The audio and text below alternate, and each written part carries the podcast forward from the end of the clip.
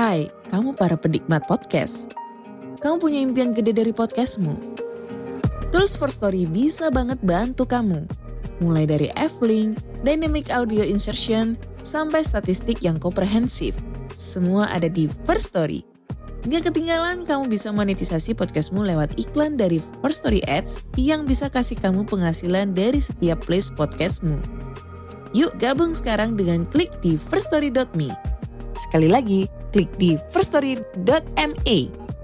Mari kita bawa mimpi podcastingmu menjadi kenyataan.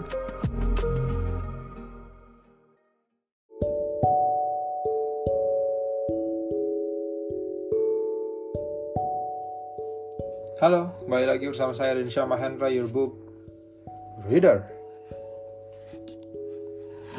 Inilah segmen buku sejarah dunia yang disembunyikan, sebuah buku bestseller internasional karya Jonathan Black. Bab 7 Zaman Setengah Dewa dan Para Pahlawan. Yang kuno, Amazon, Henok, Hercules, Thesus, dan Jason. Ketika Herodotus bingung karena yang patung kayu aneh dari raja-raja yang telah memerintah sebelum raja manusia mana pun, pendeta-pendeta Mesir mengatakan kepadanya bahwa tidak seorang pun bisa memahami sejarah ini tanpa mengetahui ketiga dinasti. Jika Herodotus pernah menjadi anggota di sekolah-sekolah misteri, ia akan mengerti bahwa tiga dinasti itu adalah pertama, generasi tertua dari dewa-dewa pencipta, Saturnus, Rhea, Uranus, Generasi kedua adalah generasi yang terdiri dari Zeus, saudara-saudara kandungnya, dan anak-anak mereka seperti Apollo dan Athena, dan terakhir, generasi setengah dewa dan pahlawan. Dinasti ketiga ini adalah topik dari bab ini.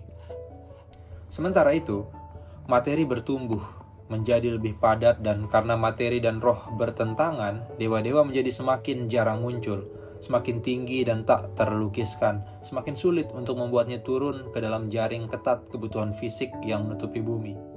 Dewa-dewa besar seperti Zeus atau Pallas Athena tampaknya membuat kehadiran mereka terasa dan langsung turut campur ke dalam urusan manusia hanya pada saat kritis. Di sekolah-sekolah misteri diajarkan bahwa sebuah perubahan yang menentukan pada arah ini datang kira-kira pada 13.000 tahun sebelum Masehi. Sejak itu, para dewa yang lebih tinggi merasa kesulitan untuk turun lebih rendah dari bulan. Kunjungan mereka ke permukaan bumi menjadi semakin jarang dan singkat. Dipercaya bahwa pada kunjungan-kunjungan itu, secara tidak sengaja mereka meninggalkan Miss Letu, semacam tumbuhan aneh yang tidak bisa tumbuh di bumi, tetapi tumbuh alami di bulan. Tanpa kehadiran dewa-dewa yang lebih besar untuk memeliharanya di bawah, keturunan tidak baik seperti Saturnus yang telah dipenjara di bawah gua mulai merayap naik menuju terangnya siang hari lagi. Merajalela di permukaan bumi serta memangsa daging manusia. Perang-perang besar terjadi di antara manusia dan tentara-tentara dari makhluk lain, menyebar dari zaman sebelumnya. Perang antara para Lapid, sebuah suku dari zaman peralatan batu Neolitikum, dan para centaur dicatat pada hiasan dinding di Parthenon. Bangsa centaur telah diundang ke pernikahan pimpinan suku Lapid, tapi mereka tergoda karena melihat perempuan-perempuan Lapid yang putih, cantik, dan tidak berbulu. Mereka menarik pengantin perempuan itu dan memperkosanya, termasuk pengiring pengantin dan para pelayannya juga. Dalam perkelahian berikutnya, seorang raja Lapid terbunuh, dan dimulailah sebuah peperangan yang berlangsung hingga beberapa generasi berikutnya. Seiring mengerasnya tulang belulang, dunia binatang mulai merasakan impitannya. Penciptaan mulai letih dan binatang bertambah ganas karena mereka harus berjuang untuk selamat. Ketika manusia terus jatuh, demikian juga alam. Gigi dan cakarnya menjadi merah. Singa-singa dan serigala mulai menyerang manusia. Tumbuhan mulai ditumbuhi duri untuk menggores dan membuat panen buah-buahan menjadi sulit. Tumbuhan beracun pun mulai berkembang, seperti tumbuhan Wolfsbane Hiasan ukiran dinding di Parthenon juga mencatat peperangan melawan suku Amazon, sebuah ras prajurit perempuan yang pertama mengendarai kuda di medan perang. Seorang anggota suku Amazon harus membunuh seorang laki-laki sebelum perempuan itu diizinkan menikah dengan mengenakan pakaian perang dari bulu hewan dan membawa tameng berbentuk bulan separuh.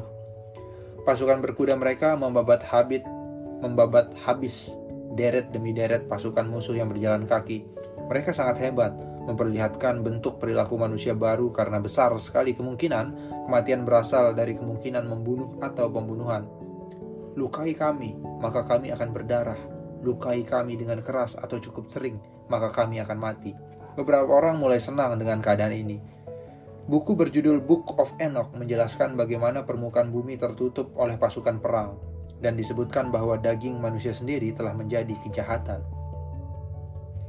Karena penutup tubuh, tengkorak bertulang dan campur tangan dari organ-organ persepsi spiritual, manusia sekarang menjadi terpisah, tidak hanya dari dewa-dewa yang ada di atas mereka, tetapi juga dari satu sama lain. Ada bayang-bayang di atas hubungan manusia, menjadi mungkin untuk pusat kesadaran mempercayai bahwa ini ia terpisah dari yang lainnya. Apakah aku penjaga saudaraku? Tanya Kane, yang mewakili evolusi dari bentuk baru kesadaran. Pertanyaan ini tidak berarti apa-apa bagi Adam dan Hawa, yang seperti cabang-cabang pada sebuah pohon yang sama. Begitu pula kita akan kewalahan terhadap alam rohani jika mereka tidak tersaring, dan kita akan merasa sakit yang uh, dialami setiap orang sehingga menjadi kewalahan karena merasakan penderitaan orang lain jika tidak ada penyaring pada empati. Tanpa sebuah derajat pemisah, tidak ada seorang manusia pun yang bisa mengalami diri mereka sendiri sebagai seorang pribadi tidak ada yang bisa merasakan terbakar api pada kening yang membuat Kane bergerak maju. Namun, tentu saja ada masalah tersembunyi di sini. Sejarah menunjukkan bahwa manusia memiliki sebuah ketidaksukaan terhadap manusia dengan bentuk lain dari kesadaran, dan sering dirasakan sulit untuk diterima. Kadang-kadang mereka terdorong untuk melenyapkan manusia dari muka bumi. Kita hanya perlu mengingat tentang perlakuan orang-orang Eropa terhadap suku Aztec yang nyaris bisa disetarakan dengan genosida terhadap orang-orang aborigin di Australia, atau niat untuk menghabisi kaum Gipsi oleh Nazi. Nanti kita akan melihat bahwa sejak zaman Musa, orang-orang Yahudi telah sering berada di depan untuk membuat bentuk-bentuk baru kesadaran. Manusia sekarang dibebaskan untuk membuat kesalahan, untuk memilih yang buruk dan menikmatinya. Hal itu bukan lagi kasus bahwa manusia menerima semua makanan spiritual dari air susu ibu bumi. Hukum alam dan hukum moral bukan lagi hal yang sama. Bumi menjadi lebih dingin, lebih keras, dan lebih berbahaya dalam banyak hal yang berbeda. Orang-orang berjuang untuk selamat dan kadang-kadang akan berusaha dengan sangat keras untuk bertahan. Mereka yang mendapati bahwa jalan di depan mereka akan selalu dibuat dengan bahaya kematian tetapi jika tidak mengambil jalan itu, mereka akan mati juga. Mulai sekarang dan seterusnya, mereka berani mengambil resiko untuk apa yang mereka hargai atau mereka akan kehilangan hal itu. Di luar sebuah kritik tertentu, tidak ada jalan kembali. Titik itu mereka tahu harus diraih. Mereka mengungkap hal-hal yang tidak nyaman tentang mereka sendiri, juga bahwa mereka telah menjadi brutal karena dunia baru ini dan memiliki perilaku seperti cangkang keras yang melindungi untuk membuka cangkang dan memperlihatkan sisi peka diri mereka sendiri, sisi yang lebih baik yang bisa membawa mereka ke kehidupan yang sebenarnya lagi. Merupakan proses yang amat sangat sulit yang hanya sanggup dihadapi oleh sedikit orang saja. Dunia menjadi lebih gelap, sebuah tempat paradoks, tempat semua yang berlawanan bertemu, dan tempat penuh luka untuk menjadi manusia. Sebuah dunia yang memerlukan pahlawan. Sosok terbesar dan paling menakutkan keturunan Saturnus akhirnya muncul Tipon muncul dari laut, langsung menuju Olympus, meludahkan api dari mulutnya dan menghalangi matahari dengan sayapnya yang menyerupai sayap kelelawar. Ia berkepala keledai, dan ketika muncul dari laut, dewa-dewa melihat bagian bawah pinggangnya hanya berupa lilitan ribuan ular. Zeus berusaha mengalahkannya dengan menggunakan kilatan petir, tetapi Tipon mengibasnya dengan mudah. Ketika Tipon turun di hadapannya, Zeus mengayunkan sabit kelabu yang telah digunakan Kronos untuk mengebiri Uranus. Namun, tubuh monster yang seperti ular itu membelitkan tubuh ularnya pada tubuh Zeus, melilitnya dengan ketat dan merampas sabit itu darinya. Kemudian, dengan menjepit raja segala dewa itu, Tipon memotong semua urat Zeus. Zeus tidak bisa mati dan tidak bisa dibunuh, tetapi tanpa urat-uratnya, ia benar-benar tidak berdaya. Tipon mengambil urat-urat Zeus dan bersembunyi di sebuah gua untuk menyembuhkan luka-lukanya. Apollo dan Pan muncul dari kegelapan dan menyusun rencana. Mereka pergi untuk bertemu Cadmus, pahlawan pembunuh naga yang berkeliaran di bumi mencari saudara perempuannya, Europa. Zeus telah membawanya pergi dan menyelamatkannya sebagai seekor lembu putih. Sekarang Apollo dan Pan berjanji pada Cadmus, jika ia membantu mereka, pencariannya akan berakhir. Pan memberikan serulingnya kepada Cadmus, sehingga bisa menyamar sebagai seorang gembala. Pahlawan itu pun meniup serulingnya untuk Tipon dan yang sedang terluka. Karena belum pernah mendengar musik, Tipon terlena oleh bunyi asing baru itu. Cadmus mengatakan kepadanya bahwa musiknya tidak lebih bagus daripada musik yang dimainkan dengan lira.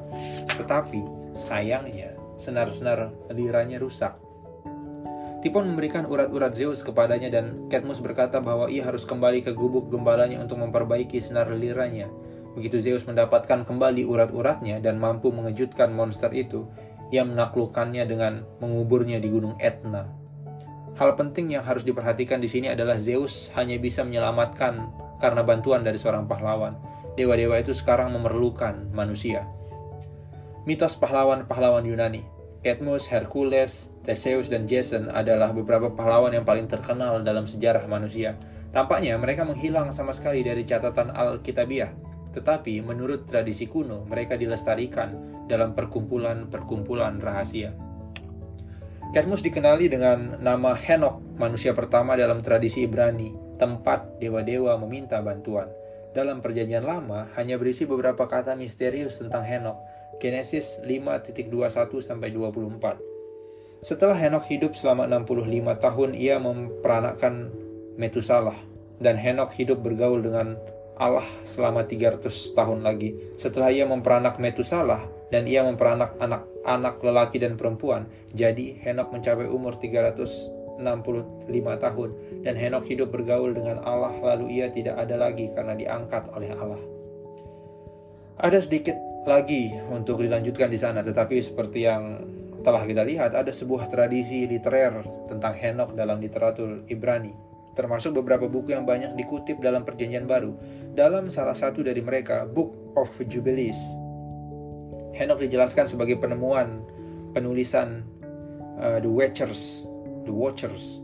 Tetapi ini terjemahan yang ceroboh. Maksudnya adalah ia menemukan yang maksudnya adalah invented atau menciptakan bahasa itu sendiri. Tradisi Ibrani menampilkan Henok sebagai sosok asing. Wajah bercahayanya membuat tidak nyaman untuk dilihat dan ia ternyata kehadirannya juga tidak nyaman. Dalam hal ini, ia mungkin mengingatkan kita pada Yesus dari Gospel yang mengucapkan kata-kata indah dengan cepat, tetapi merasa bahwa ia ingin pergi karena ingin sendirian bersama dengan makhluk-makhluk spiritual yang agung yang memperlihatkan diri mereka kepadanya. Dalam kesendiriannya, Henok mampu berkomunikasi dengan dewa-dewa dan malaikat-malaikat dengan jelas, yang dengan cepat menghilang pada manusia. Pada awalnya, Henok akan tinggal selama satu hari untuk mengajarkan hal hal baru, lalu menyendiri selama tiga hari. Kemudian ia hanya melewatkan satu hari dalam seminggu, lalu menjadi satu hari dalam sebulan, dan akhirnya satu hari dalam setahun. Orang-orang menginginkannya untuk kembali, tetapi ketika ia kembali, wajah bercahayanya begitu terang sehingga tidak nyaman dan mereka pun mengalihkan tatapan mereka. Apa yang dilakukan Henok ketika sendirian tidak tidur? Kita akan berulang-ulang melihat bahwa titik balik besar dalam sejarah disebabkan oleh dua jenis pikiran. Pertama, titik balik muncul ketika para pemikir besar seperti Socrates, Yesus Kristus, dan Dante berpikir untuk kali pertama tentang sesuatu yang belum pernah ada yang memikirkannya. Kedua, titik balik muncul ketika pikiran-pikiran ditetapkan dan dituliskan tak terhapuskan karena mereka melestarikan beberapa kearifan kuno yang terancam punah selamanya. Generasi Jared, ayah Henok adalah yang terakhir yang mengalami sebuah visi tanpa jeda dari gelombang penerus dewa-dewa, malaikat-malaikat dan roh-roh yang memancar dari pikiran-pikiran Tuhan. Apa yang Henok peran pertahankan dalam bahasa pertama dan monumen-monumen batu pertama, lingkaran-lingkaran batu tertua adalah visi tentang tingkatan makhluk spiritual yang disusun ke atas. Henok adalah salah satu dari sosok besar dalam sejarah rahasia dunia karena ia memberikan sebuah catatan lengkap tentang apa yang mungkin disebutnya dalam istilah sekarang ekosistem alam rohani. Untuk ini, ia diingat uh, bukan saja sebagai Cadmus dalam tradisi Yunani, melainkan juga Idris dalam tradisi Arab dan Hermes Trismegistus dalam tradisi Mesir esoteris. Ia tahu bahwa sebagaimana pikiran melemahkan kesehatan, bahasa melemahkan memori. Ia meramalkan sebuah bencana yang akan menghancurkan segala yang dibuat manusia, kecuali apa yang ada di kepalanya dan monumen-monumen batu yang paling kuat. Ia mengabadikan tingkatan surga, tidak hanya pada momen monumen-monumen batu, tetapi juga dengan penemuan bahasa itu sendiri. Karena menurut doktrin rahasia, semua bahasa dimulai dengan pemberian nama untuk benda-benda langit. Lagi pula, kesenian yang paling awal seperti yang ditemukan di dalam gua di Las Caux, Prancis dan Altamira di Spanyol juga benar-benar sebuah gambaran dari benda-benda langit yang sama. Benda-benda langit itu merupakan gagasan dari pikiran kosmis besar terjalin melalui segala yang ada di kosmos. Bahasa dan kesenian sekarang memungkinkan manusia untuk menggunakan pikiran, pikiran kosmis ini dan mengakui sebagai sebagian miliknya. Henok kembali mundur, mengasingkan diri dan semakin jauh hingga ke gunung yang tanahnya tidak ramah dan sering terjadi badai. Orang-orang yang mengikutinya semakin sedikit. Ia berkata, dan mataku melihat rahasia kilat dan petir, juga rahasia awan dan embun. Dan di sana aku melihat dari mereka berjalan serta dari mana mereka berasal untuk merendam bumi. Dan di sana aku melihat ruang-ruang tertutup yang membelah angin, serta ruang-ruang yang mengeluarkan kabut dan awan yang menggantung di atas bumi sejak awal. Aku juga tidak Aku juga melihat ruang-ruang yang mengeluarkan matahari dan bulan, serta ke mana mereka pergi. Buku Book of Enoch menceritakan bahwa dalam akhir visi yang sangat menggembirakan itu, ia diajak melihat-lihat surga dari langit surga yang berbeda dan urutan malaikat yang berbeda pun uh, yang tinggal di sana dan seluruh sejarah kosmos. Akhirnya, Henok berbicara kepada kelompok pengikut terakhirnya yang mampu terus mengikutinya mendaki gunung. Ketika ia berbicara pada pengikutnya, mendongak dan melihat seekor kuda turun dari langit dalam pusaran angin, Henok naik ke atas kuda itu dan mengendarainya masuk ke langit. Apa yang kita pahami dari kisah kenaikan Henok ke langit adalah bahwa ia tidak mati sebagai manusia biasa, karena ia bukan sepenuhnya manusia, seperti manusia setengah dewa lainnya dan para pahlawan tradisi Yunani. Henok atau Ketmus adalah seorang malaikat dalam tubuh manusia. Kisah-kisah tentang Hercules, Theseus, dan Jason sangat dikenal untuk diceritakan kembali di sini. Tetapi aspek-aspek mereka memiliki nilai penting untuk sejarah rahasia. Dalam kisah-kisah manusia dewa, Hercules kita melihat betapa manusia telah jatuh ke dalam materi. Hercules ingin ditinggalkan sendiri untuk melanjutkan kehidupan materialnya, untuk menikmati kesenangan dunia, mabuk, berpesta, berkelahi, tetapi ia terus diusik oleh kewajibannya untuk mengikuti takdir spiritualnya. Hercules yang ragu-ragu, ceroboh, kadang-kadang jenaka, terbelah di antara kekuatan-kekuatan kosmis Ovid juga memperlihatkan bagaimana ketika dewa itu menarik diri, Eros mulai membuat onar. Hercules menjadi murung karena gairahnya sekaligus juga karena roh-roh yang mencoba mengendalikannya. Hari ini saat jatuh cinta dengan seorang yang cantik, kita mungkin memang melihat keindahan sebagai sebuah tanda dari kearifan spiritual besar. Ketika kita melihat ke dalam mata yang indah, kita mungkin bisa berharap menemukan rahasia kehidupan itu sendiri di sana Kisah cinta Hercules pada Deianira, Deianira, cinta Ariadne untuk Theseus atau cinta Jason pada Medea memperlihatkan bahwa hubungan spiritual antara manusia sudah menjadi keruh. Sekarang Anda bisa menatap ke dalam mata dari keindahan dan tertipu tentang apa yang Anda lihat di sana. Seksualitas telah menjadi penuh tipu daya. Bahaya dari berhayal diperburuk oleh cinta akan delusi. Apa yang terbaik dan yang terburuk untuk saya, hal yang paling harus saya lakukan dan hal yang paling tidak akan saya lakukan tampak sangat mirip. Dalam lubuk hati saya, saya tahu mana, tetapi kemudian sebuah roh kesesatan membuat salah memilih. Gangguan fisik selalu mengelilingi keindahan yang agung. Dan belas, dua belas perjuangan Hercules memperlihatkan ia bergerak melalui serangkaian ujian masing-masing diatur untuknya oleh roh-roh berurutan yang menguasai bintang-bintang. Itu adalah serangkaian ujian yang dijalani oleh semua manusia dan pada umumnya mereka menjalaninya tanpa mereka sadari. Seperti Hercules, kehidupan Hercules kemudian menggambarkan kepiluan menjadi manusia. Ia adalah laki-laki biasa, terpelangkap dalam lingkaran kepedihan. Bagi kepekaan modern, kenyataan dari sebuah kisah yang berupa perumpamaan membuatnya menjadi penggambaran yang kurang tepat dari kejadian-kejadian yang sebenarnya. Para penulis modern mencoba memeras naskah-naskah makna mereka untuk merapikannya supaya diperoleh cerita yang alami. Bagi orang-orang kuno yang percaya bahwa semua hal yang terjadi di dunia dipandu oleh perasaan bintang-bintang dan planet-planet, semakin sebuah kisah mengeluarkan pola puitis, semakin sejati dan nyata naskah itu. Jadi, mungkin menarik untuk melihat perjalanan ke dalam dunia bawah yang dilakukan oleh Hercules, Theseus, dan Orpheus hanya sebagai metafora. Benar bahwa pada satu tingkatan, petualangan mereka mewakili awal dari kesadaran manusia akan kenyataan kematian. Namun, ketika kita mencoba untuk membayangkan petualangan bahwa tanah Hercules, Theseus, dan yang lainnya, kita jangan memandang petualangan mereka sebagai perjalanan murni internal atau mental, seperti yang mungkin kita renungkan hari ini. Ketika bertempur dengan monster-monster dan iblis, mereka melawan kekuatan yang memenuhi diri sendiri. Daging manusia rusak, labirin gelap dari otak manusia. Namun mereka juga melawan monster-monster yang sesungguhnya, yang berupa darah dan daging.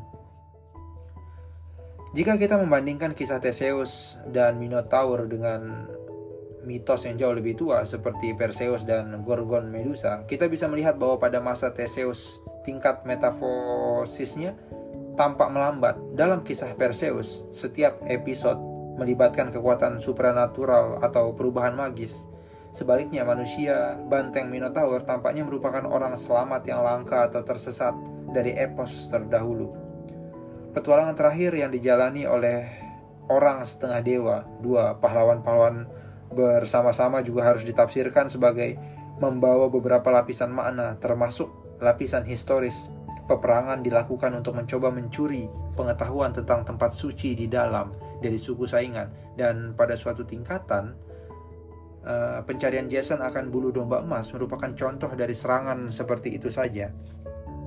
Isaac Newton mengungkap beberapa kearifan rahasia dari persaudaraannya ketika ia berkata bahwa pencarian bulu domba seperti perjuangan Hercules mengikuti perkembangan matahari melalui tanda-tanda zodiak apa yang tidak diungkapnya, walaupun tidak disangsikan bahwa ia menyadari hal itu, adalah bahwa bulu domba juga mewakili roh binatang yang telah disucikan sepenuhnya dengan katarsis atau penyucian sehingga bulu itu mengkilat seperti emas. Seekor ular melilit pada batang pohon yang berniat mencegah Jason untuk mengambil bulu domba itu.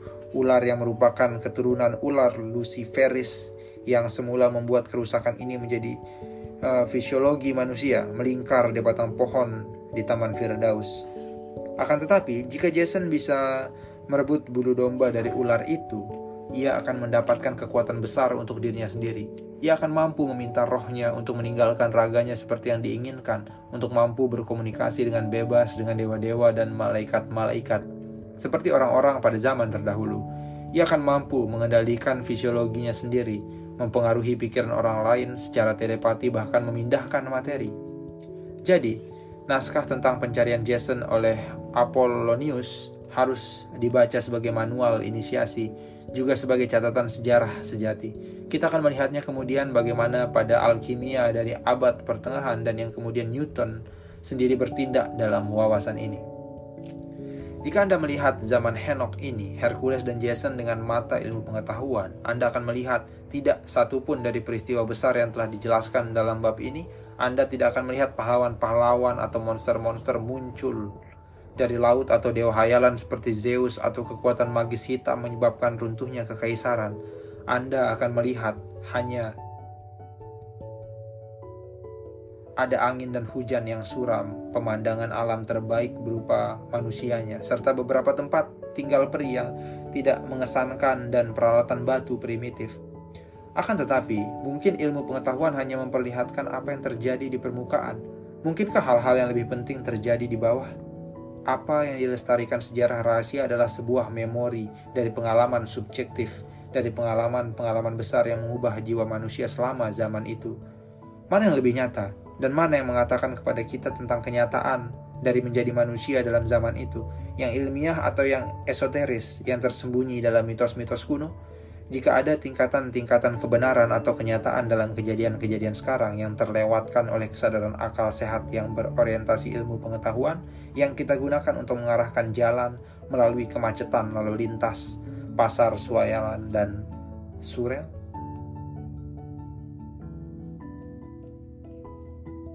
Sekian. Sampai jumpa di bab berikutnya. Bye. See you.